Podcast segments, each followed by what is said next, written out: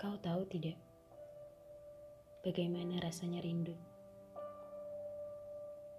Uh, rindu yang kumaksud seperti ketika seseorang meninggalkanmu untuk selamanya. Seseorang yang kau kasihi dan paling kau cintai.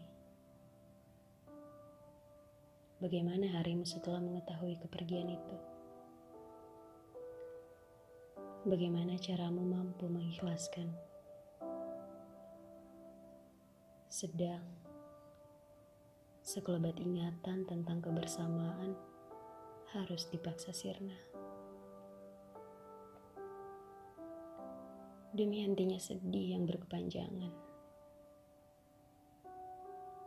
Cerita sore di beranda juga tak mampu sehangat dulu. Rasanya senyum dan tawaku seperti dirampas paksa.